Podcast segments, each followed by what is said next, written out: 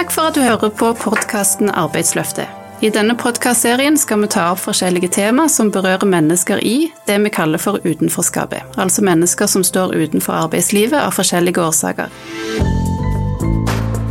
I dag så skal vi snakke om stress.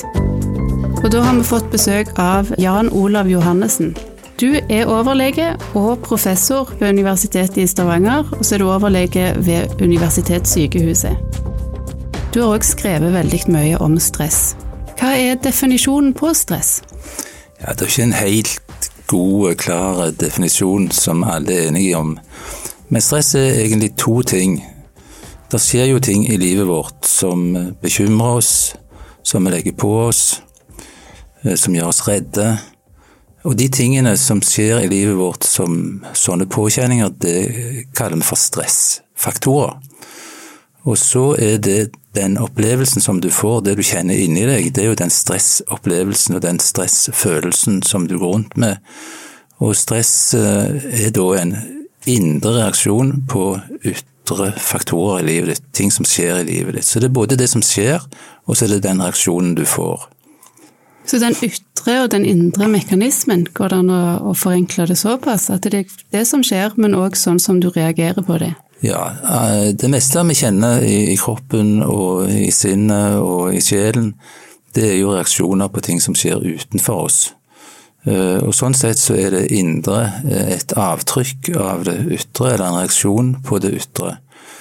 Og når dette er ubehagelige ting, ting vi ikke ønsker oss i livet, så gir det vonde følelser, og den følelsen er det vanligvis vi kaller for, for stress. Så er det jo stressreaksjoner som er mer sånn at du eh, gjerne ikke forstår det engang, kjenner på det, men du kan få høyt blodtrykk, du kan få, høyt, du kan få hodepine, anspente muskler, muskelsmerter, verk i kroppen og magen og alt dette her som vi kjenner alle.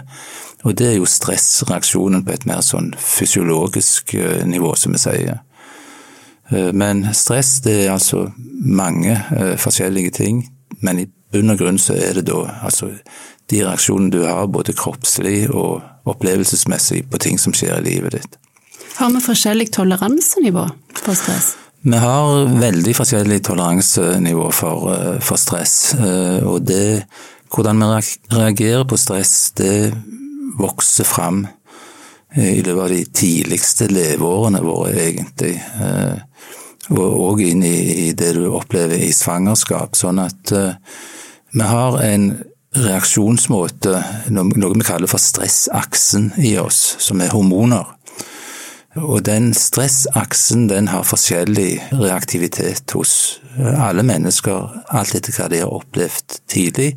Altså til og med i svangerskapet de første leveårene. Så hvis du har opplevd ting som gjør deg stressa når du er liten, så reagerer du med mer stress når du blir ungdom og voksen enn du ellers ville tatt. Du tar ting mer til deg, du blir kanskje mer oppfarende.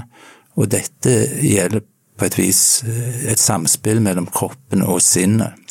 Sånn at når det skjer vanskelige ting, utfordrende ting i livet ditt, eh, i voksen alder, ungdomstid, voksen alder, så eh, vil du reagere mye eller lite på det, alt etter hva du har opplevd i de tidlige leveårene, og hvordan du på en måte er blitt programmert i forhold til stress når det gjelder disse systemene i kroppen din.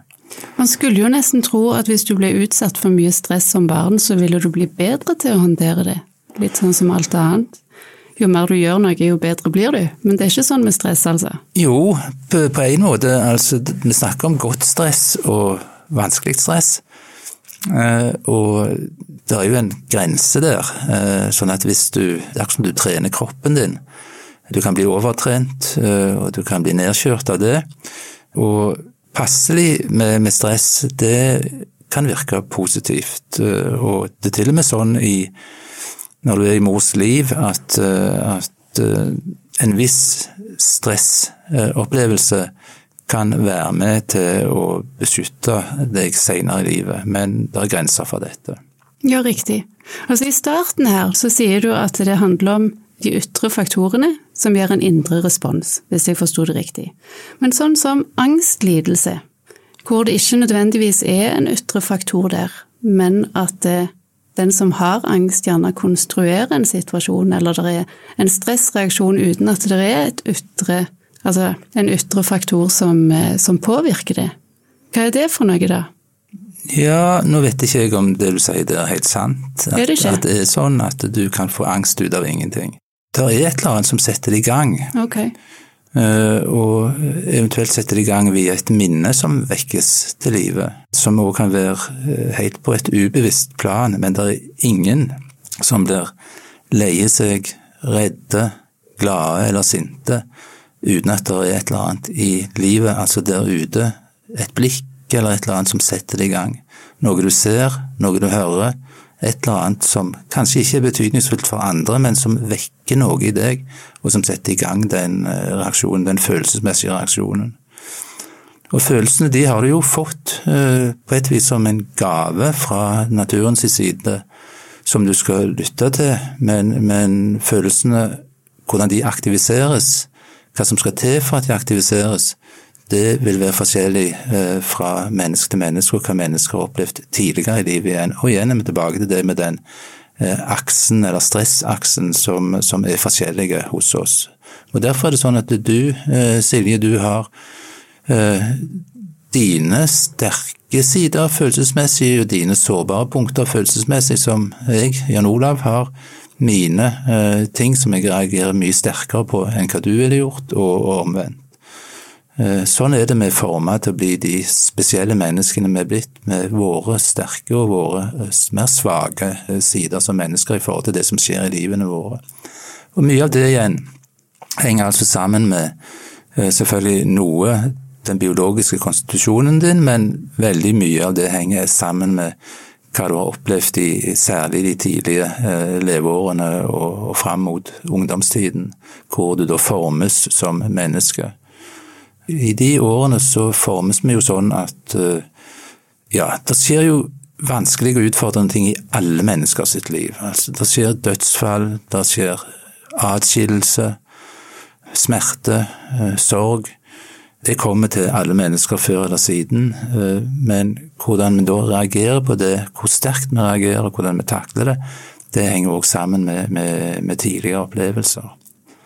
Er det sånn at traumer som du opplever da etter du er ferdig utvikla, eller etter hjernen er ferdig utvikla, vil påvirke deg i mindre grad enn som barn? Det vil ikke henge ved så lenge? Definitivt. Eh, definitivt. Eh, eh, vi formes særlig, som du sier, i de, de første leveårene og fram mot kanskje den vanskelige, til siste vanskelige tiden, det er jo ungdomstiden, før du skal ta steg ut i den voksne verden. Og så blir vi da forskjellige, eh, og vi har med oss eh, forskjellige eh, opplevelser. Sånn at mange tror jo at det er genene som bestemmer alt. Nå kan jo ikke lytteren se Silje som sitter foran meg, men hun har jo rødt hår. Ja. Og det røde håret, det går det ikke an å gjøre noe med, i den forstand at genene og rødt er jo fint, da, men, ja, for det sagt. Men, eh, men, genene dine har bestemt det, akkurat som vi har bestemt hårfargen. Men genene som styrer følelseslivet vårt, og hvordan vi skal reagere på livene våre, det påvirkes av det vi opplever tidlig. Og det kalles for, med et fint ord, så kalles det for epigenetikk. Det vil si at genene har mange muligheter i seg, men hvordan de åpner seg og hvordan de tar i bruk deler av den programmeringen som ligger inne i dem, det avhenger av igjen dette med tidlige opplevelser, og til og med er det sånn at det hopper over generasjoner. Sånn at hvis bestefaren din har opplevd vonde ting, og f.eks. under krigen har vært i en konsentrasjonsleir og hatt det fælt, så vil din eh, stressreaksjon som barnebarn være sterkere. Du vil være reaktive i forhold til ting som skjer i ditt liv, enn hva det ville vært hvis bestefaren din hadde en behagelig kontorjobb under krigen og ikke noe stress. Og så er det jo sånn at det er ikke de store utslagene det gir, men det kan spores faktisk over generasjoner, og det er jo et mysterium da. Det, altså, det tror jeg ingen har forklaring på egentlig ennå, og, og sikkert mange forskjellige teorier. Det er jo kjempeinteressant i alle fall. Men er det sånn at hvis du blir utsatt for enorme mengder stress over tid gjerne, hva skjer da med hjernen, hva skjer med oss? Da er det forbindelser som eh, vokser på en annen måte enn, de ville gjort. Og, og det er det òg mye forskning som viser, ikke fra mennesker da, men fra dyreforsøk, at uh, hvordan hjernens forbindelser, og særlig omkring noe som heter Det er en struktur der som heter amygdala, som liksom har med all stresshåndtering og stressreaksjon å gjøre. Hvordan forbindelseslinjene for denne amygdala går ut andre steder i hjernen og styrer da de kroppslige reaksjonene og de følelsesmessige reaksjonene på dette senere i livet. Det er veldig komplisert, jeg skal ikke dykke på meg at jeg kan alt det der, men det er altså sånn at selvfølgelig så får du et slags biologisk svar på det du opplever, i den forstand at uh, som musklene dine uh, har i seg det at de kan bli store hvis du trener mye, så er det sånn med forbindelseslinjene i nervesystemet òg. Ja, riktig. Vi har hatt deg inne på et foredrag hos Allservice en gang. Og Det var utrolig spennende. Da snakket vi om, om dette med diagnoser, og at det var ny forskning på akkurat det. Du kalte det vel et moderne syn på psykisk sykdom. Kanskje du sier litt om det? Jo, altså mange tror, og det står litt i lærebøkene ennå for de som studerer eh, sykepleie eller psykologi eller medisin eller helsefag, Eh, at mange av disse såkalte sykdommene, psykiske lidelsene, de er eh, veldig arvelige, og at det er genene som styrer det. alt sånt. Det er en mye på vei vekk ifra. Og det begrepet vi bruker når vi omtaler den endringen, det er at f.eks. psykose fra det å tro at det var hjernelidelse, til det at vi nå ser på det som stresslidelser. Og Sånn er det nok for de fleste psykiske lidelser. Ikke for demens og sånne ting, i hvert fall ikke i noe særlig grad. Men for de vanlige psykiske lidelsene, sånn som psykoser og angstlidelser, depresjonslidelser, spiseforstyrrelser osv. Eh, vi ser at det henger sammen med livshendelser, både igjen tidlig, men òg som du er inne på, hva er det som gjør at en får angst og angstopplevelser når en er 20 år uten at du står overfor en alvorlig trussel. Altså, du er på en måte litt programmert til å reagere på et eller annet som, som, du ser eller hører eller opplever, som setter i gang tanker, som sporer det tilbake til, til tidligere i livet. Da. Så det begrepet vi bruker om det, det er uheldige livshendelser. Ja. Og det som gjør da at du eh, får så mye følelser For psykiske lidelser, det er egentlig følelser ute av styr. Det er det at du har så mye følelser at du på en måte ikke klarer å regulere det. Du klarer ikke å legge det bak deg, du klarer ikke å fortrenge det. Det er altså for mye som bobler opp, rett og slett. Og så kan det uh, i ytterste fall bli eh, en forvirringstilstand ut av det, for du klarer ikke å sortere tanker og følelser. Det slutter for mye press eller stress i hodet ditt på en eller annen måte. Er det en kortslutning? Du kan godt kalle det en kortslutning, fordi at, eh, at det er jo sånn at til syvende og sist så er jo hjernen din en elektroniske, elektrokjemiske fabrikk. Eh, med spenninger og forbindelser og ledninger og alt sånt. Og så blir det for mye spenning, så kan du få feilkoblinger, i hvert fall om du ikke får kortslutning da. Ja, og merker man det sjøl? Ja, eh, du gjør jo det. Altså, du merker jo at du er lei, du merker at du er redd, du merker at du er sint. Eh, men vi er nok bedre til det når vi er voksne enn når vi f.eks. er ungdommer i 12-13-14-årsalderen. Eh, da er det mange ungdommer, eh, de fleste kanskje, og særlig gutter, eh, regner vi med, som ikke er i stand til på et vis å tolke sitt eget følelsesliv. Du, du kjenner det er noe inni der, men du er ikke bevisst og du forstår det ikke, og du søker gjerne å dempe det gjennom det å være veldig aktiv, at du blir urolig, du sitter i klassen og dabber med beina. Du lager Høres nesten ut som ADHD. Ja, du lager bråk, eller du kan lukke deg inne i deg sjøl.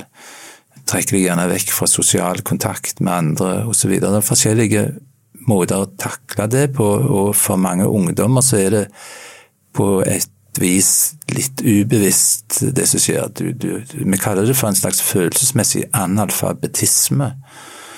Hvor en ikke klarer å lese sitt eget følelsesliv ja, og vite hva som er hva. Ja, ja. Det er bare et stort trykk som må vekk. Ja. Og det er det vi prøver i våre prosjekter og våre framstøt mot å få unge til å kjenne på følelser og få dem til å forstå at de kanskje kan søke hjelp hvis de er urolige eller redde eller alvorlig engstelige. Så, så, prøver vi å fortelle dem litt om hva følelser er, eh, hvordan de skal reagere på følelser. Følelser er jo en hjelp, jeg sa gjerne det, men følelser er jo en hjelp du har fått for å orientere deg i livet ditt. Du har fått uh, evnen til å føle, eller til de fysiske sansene har du fått for at du skal komme deg gjennom livet uten å skade deg for mye. Du kan se sånn at du ikke går på døren, du kan lytte sånn at du kan orientere deg i rommet. Eh, du har smertesans, eh, sånn at du kan ta hånden vekk fra en varm kokeplate for å beskytte deg. Det er derfor vi har fått, kan du si, på en måte de fysiske sansene. Mm. Og Sånn sett så har vi fått følelser òg, eh, som en gave ved fødselen. For de skal hjelpe oss til å finne fram i livet og orientere oss fra det som er vondt, vekk fra det, og over mot det som, som er godt. Det er utgangspunktet for, for følelsene våre. Eh, og så er jo tilværelsen nå så komplisert eh, i 2021, i den vestlige verden i hvert fall, at vi kan ikke bare respondere på, på følelsene. Men det å tolke sitt eget følelsesliv det krever på et vis eh, at du setter deg ned og kjenner etter og, og prøver å forstå deg sjøl. Og det er klart at ungdom, igjen for å vende tilbake til det, de er i farten. De er mye mer opptatt av å se på vennene og hvordan de reagerer i forhold til seg sjøl, enn å kjenne etter hvordan de har det inne, inni seg. Og da er det sånn at uh, kanskje noen reagerer, som jeg sa, med utagering, og andre reagerer med å, å lukke seg inne og trekke seg vekk. og Gutter kan sette seg på rommet nede og begynne å spille og la tankene bare gå til det. Mm. Så snur du gjerne døgnet. Eh, spiser du ufornuftig, legger gjerne litt på deg. Trekker deg vekk fra vennene, så blir du mer og mer ensom oppi dette. Og ensomhet er jo en, en vond følelse, for å si det sånn. Som det er jo en form for stress, ensomhet? Det er klart det. Ja. Det, er jo, det, er jo, både et stress, og så er det jo igjen det er det vi snakket om tilbake. Det, det er altså et, en reaksjon òg på stress. Ja. ja. Jeg tror at de aller fleste av oss kan kjenne seg igjen i sånn kaotisk følelsesliv. I, i, perioder i livet. Det tror jeg alle kan kjenne seg igjen i. Ja, det tror jeg nok vi, de fleste av oss vet hva er for noe. Men hvis du har veldig mye av dette kaoset over lang tid, så er det da fornuftig å sette seg ned og prøve å finne ut av hva som kommer fra hvor? Altså bli kjent med seg sjøl, sortere følelsene? Det viktigste for, eh, og nå er jeg tilbake til Det er for alle mennesker som opplever dyp psykisk smerte. Mm. Og sterkt følelsestrykk, angst og disse tingene som vi har snakket om. Det aller viktigste er å finne ut hvorfor reagerer jeg sånn på dette, hva er det i livet mitt? Og særlig i forhold til unge som er i ferd med å få alvorlige psykiske lidelser, så er det aller, aller viktigste det er å finne fram til stressfaktorene i livet. Eh, hvorfor stresser det meg når det ikke stresser deg? Hva er det som skjer med meg? Hva er det som er vondt for meg nå? Og så gjør noe med det, sånn at du tar det vekk. Eh, og når vi jobber med eh, ungdom, så jobber vi jo ofte med ungdommen i familien. Og stresset det sprer seg jo i familien òg, sånn at eh, når stress sprer seg, så får vi kortere lunte, så blir vi mer hissige, og så er det en ond spiral. Så for alle, for både den unge da som kanskje har fått et psykisk sammenbrudd, og for familien rundt dem, så er det viktig da at en begynner å sortere eh, systematisk, rett og slett, i forhold til, til stressfaktorer, eliminere de én etter én og gjøre det en kan for at de ikke skal komme tilbake. Altså, for det er det aller, aller viktigste. Det er mye, mye viktigere enn medisiner og hva det måtte være av behandling. Selv om behandling jo selvfølgelig er, er viktig òg når du eh, sliter og har store livsutfordringer. Så tilrettelegge eh, omstendighetene sine sånn at du får mindre av den ytre påvirkningen som stresser deg. Finne ut hva det er for noe. Ja, det er det. Fordi at det er ganske mange som eh, debuterer med psykiske lidelser sånn i ungdomsårene. Ja, altså det er faktisk ikke bare ganske mange, det er nesten alle. Ja, ok. Av de som får psykiske lidelser, det er sånn at 75 av all diagnostisert psykisk lidelse har skjedd før du er 25. Og når jeg snakker om diagnose, da, at du har fått en diagnose, så er det sånn at du har og vært plaget eh, av dette og fått dårligere skolefungering, sosial fungering, i fem år før det. Og halvdelen av all psykisk lidelse har inntruffet før fylte 15 eh, år. Så tidlig, ja, altså. Så, og da er det òg sånn at det, når du får en diagnose, så har du gått i flere år før det og hatt betydelige plager som du både kjenner på, og som gir eh, seg utslag i hvordan du fungerer sosialt. Du kan få fallende skoleprestasjoner, konsentrasjonsvansker og de tingene som hører med. Så psykiske lidelser, det er unge menneskers lidelse, og det er jo ikke sånn at du får en psykisk lidelse i hodet når du er 21 år, tre måneder, to dager og syv timer. Det er ikke sånn det virker. Det utvikler seg gradvis, og det utvikler seg alltid fra grunnfølelsene som er psykisk smerte, depresjon, angst eh, og de tingene der, til at det blir verre, og når følelsestrykket bygger seg opp, så skal vi regulere det, og hvis det blir for mye følelser, for motstridende følelser, så får vi kanskje da et slags forvirring til slutt i tanker og, og ja. Ja, riktig. Jeg leser ofte at vi kan forvente oss flere unge med psykiske problemer de kommende år, altså at det er noe som øker i antall. Er det noe i det? Det er forskjellige og litt motstridende funn, eller forskningen er litt utydelig på det området der. Og det varierer fra land til land. Eh, det som er helt tydelig, er at du har en veldig økt selvmordsatferd blant unge i USA. Mens hvis du da drar til Tyskland og Frankrike, så er det ingen sånn en økning. Så det har noe med samfunnsforholdene å gjøre. Hvis du drar til Danmark, så er det en økt forekomst, nesten fordobling, hos unge, og det jenter da, i psykoselidelser fra 2000 ca. til 2012. I Norge har vi ikke gode tall på det, men det ser ut som i Norge òg at det er en tendens til økt eh, depressiv, altså en økt tristhet hos unge, særlig jenter, som da kan kalles depresjon eh, når det kommer til det å få behandling, et eller annet i livene til unge mennesker i dag som er mer utfordrende. Samtidig vil jeg gjerne si det, siden vi er på vei ut av i hvert fall foreløpig sånn koronatider, at eh, det ser ikke ut som eh, foreløpig at det har gitt en økt forekomst av eh, det vi kaller for hjelpsøkende atferd, i hvert fall blant de unge. Det ser ut som koronaen har ført til at det har vært, siden vi snakker om stress, mer stress for de som allerede var stressa og hadde det vanskelig, men ikke som det sånn jevnt over har gitt noen utslag i forhold til det at vi har fått mer psykisk lidelse enn vi hadde før. Og når det er sagt, så uh, gjelder det jo å si at ofte slår dette ut litt i etterkant òg, så vi vet ikke det ennå. Vi har ikke sett det totale bildet. Eksempel den stressfaktoren som knyttes til økt arbeidsledighet, det slår jo uh, ofte ut, særlig hos menn med litt økt uh, selvmordstenkning, i hvert fall. Men den kommer sjelden med en gang. Det kommer etter et halvt et år i etterkant. da. Veldig interessant, for vi hører jo, eller vi leser jo i avisen veldig ofte at etterspørselen etter hjelp og pågangen på psykiatrisk den har økt betraktelig eh, i forbindelse med, med korona. Men eh, det er fint også å høre at det ikke er så mange nye som har henvendt seg. Ja, det kan du si. Sånn. Eh, og så er det jo òg sånn at eh, det kan være en viss økning uten at du fanger det opp i statistikken. Sant? Fordi at når du har en sengepost med seks plasser, så hvis du da får fire nye pasienter, så sprenger jo det kapasiteten, for å si det enkelt. Altså. Så det, det oppleves nok sånn på noen sengeposter i noen systemer at det er en økt forekomst, men om, om det er òg da en nærmest oppsamling av, av, folk som ellers ville søkt hjelp tidligere, det, det kan faktisk se sånn ut.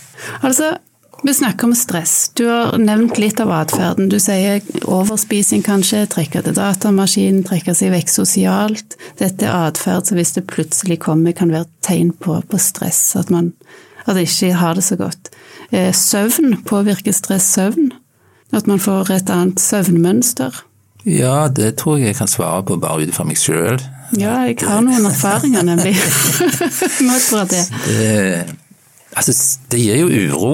Det gir uro og ubehag og, og, og det kan slå begge veier. Altså, du spenner kroppen, og du kan bli utmatta, du kan bli trøtt, sånn at du kan oversove. Mm. Eller det kan være en type uro som gjør at du mister søvnen. Og hvis du er veldig trist, og i hvert fall hos eldre menn og sånn, så er det i utgangspunktet eh, mindre søvnbehov, og et typisk tegn på eh, depresjon hos eldre er jo at du sovner greit, men du våkner veldig tidlig. Og så ligger de tunge tankene og gnager da. Ja, så det utarter seg litt forskjellig da hvor du er i livet? Ja, det ja. gjør det. Men eh, gammel som ung, hva gjør man hvis man har dårlig søvn, har det ikke så greit, kaotisk følelsesliv, angst, depresjon, de tingene vi har vært igjen? Altså, hvordan går vi fram for å få det bedre? Er det en tur i skauen? Litt meditasjon? Altså, det, ja, det, det er klart det hjelper jo det hvis du har gjort noe dumt en, en fredagskveld som ungdom, og, eller som kanskje ung voksen, eller til og med som gammel mann, eh, så treger du jo på søndagen eller lørdagen og, og våkner med dårlig samvittighet og bondeanger og alt sånt. og Da kan du jo si til deg selv nei, jeg kan ikke gå rundt og ha det sånn i dag, men finne på noe kjekt som distraherer meg. Sånn at det kan du gjøre, du kan gå tur i skogen eller hva det måtte være. Men da, da, er det ikke psykiske lidelser, da er det bare ubehag knytta til livet og at du har gjort noe forbigående dumt eller noe sånt. Ja. Det går det an å rette opp i. Men hvis det er sånn at du ikke kommer ut av disse tingene, og det påvirker funksjonen din, og kanskje du uh, får uh, problemer på skolen, og du begynner å og ikke klarer helt å gå ut, og du begynner å bli litt redd av andre mennesker og alt sånt, så er det et veldig godt hjelpeapparat i Norge, altså. Vi ser jo i avisene stort sett bare de dumme tingene, når det ikke er kapasitet osv. Ja. Men vi har uh, sannsynligvis verdens beste psykiske helsevesen i Norge. Altså både i kvalitet og kvantitet. Og unge mennesker prioriteres sånn at uh, det er god hjelp å få der ute. Og hvis det er noen som lytter nå, som kjenner seg igjen i noe av det vi har snakket om, så er det å gå til fastlegen og gi beskjed. Fastlegen, og så hvis de er veldig urolige og de føler, eller familien tenker at de kan få en alvorlig liksom, psykose, altså forvirring, sammenbrudd, så kan de jo ringe til tipstelefonen som du ser i avisene hver dag i annonser, ja. eh, telefonnummer osv. Da trenger du ikke gå til fastlegen først heller, og så hjelper tips de til å finne veien videre i systemet. Ja. Gjør en vurdering, og, og, hvis det er veldig alvorlig, så kommer de til behandling med en gang òg. Det er jo et veldig godt tips. Det er et godt tips. Ja. ja. Tips er et godt tips. tips er et godt tips. Absolutt. Er det andre ting vi kan gjøre hvis det er noe som gnager på oss? Jeg snakker med mange av de jobbsøkerne som er hjelpe ut i arbeidslivet som forteller om eh, skolegang som var preget av mye angst, f.eks. De klarte ikke helt å følge med. Eh, det var gjerne konkret knytta til skole at de fikk mye stress, og det stresset det har resultert i at de har falt ut av skolen.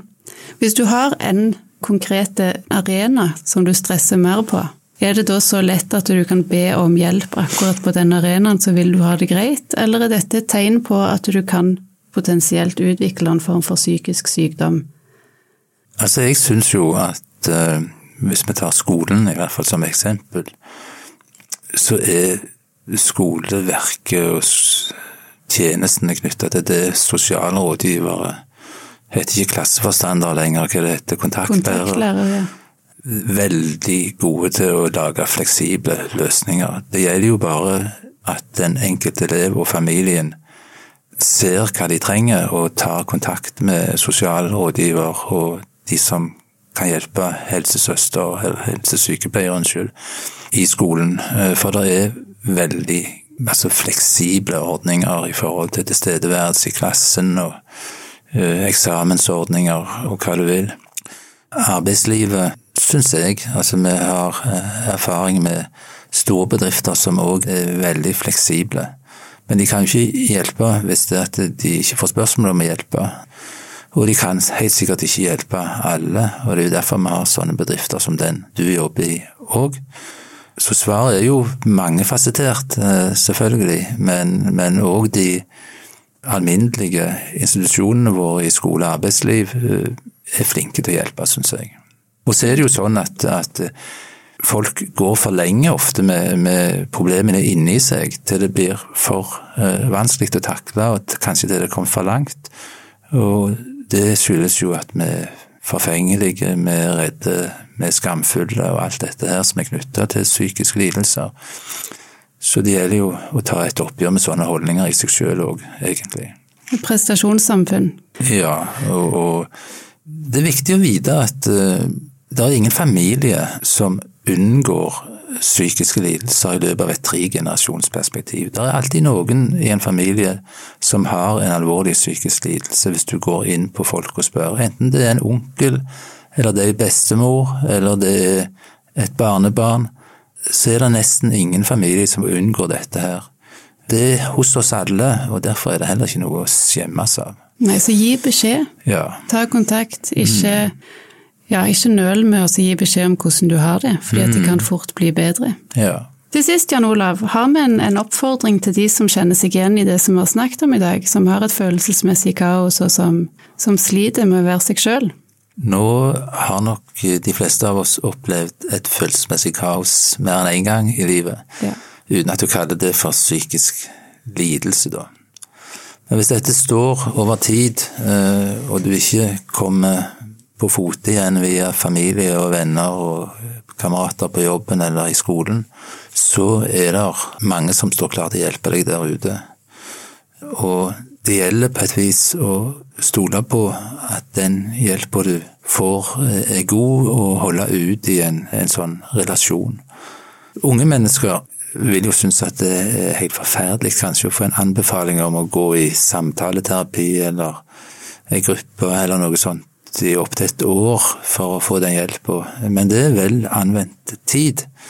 Behandlingen, da, eh, sånn det vi kaller relasjonelt eller psykologisk, består jo i at du sorterer litt i livet ditt. Du ser litt tilbake. Hva er det som har vært med å bidra til at jeg nå reagerer sånn som jeg gjør nå, på at livet mitt er sånn som det er akkurat nå? At du ser de sammenhengene. Prøver å lære ut fra de sammenhengene, sånn at du orientere deg i en annen retning enn eh, enn det du kanskje har gjort før. Det er mange som har opplevd vonde ting i livet, og som strever med å stole på eh, andre mennesker ut fra de tidligere erfaringene. Men det er altså mange snille, greie mennesker der ute som du kan stole på. Og det gjelder til å finne fram til den evnen i seg sjøl til å stole på andre mennesker når det kommer til stykket. Tusen takk, Jan Olav, for at du kom og ga oss mer innsikt i stress, og spesielt hvordan man skal redusere stress.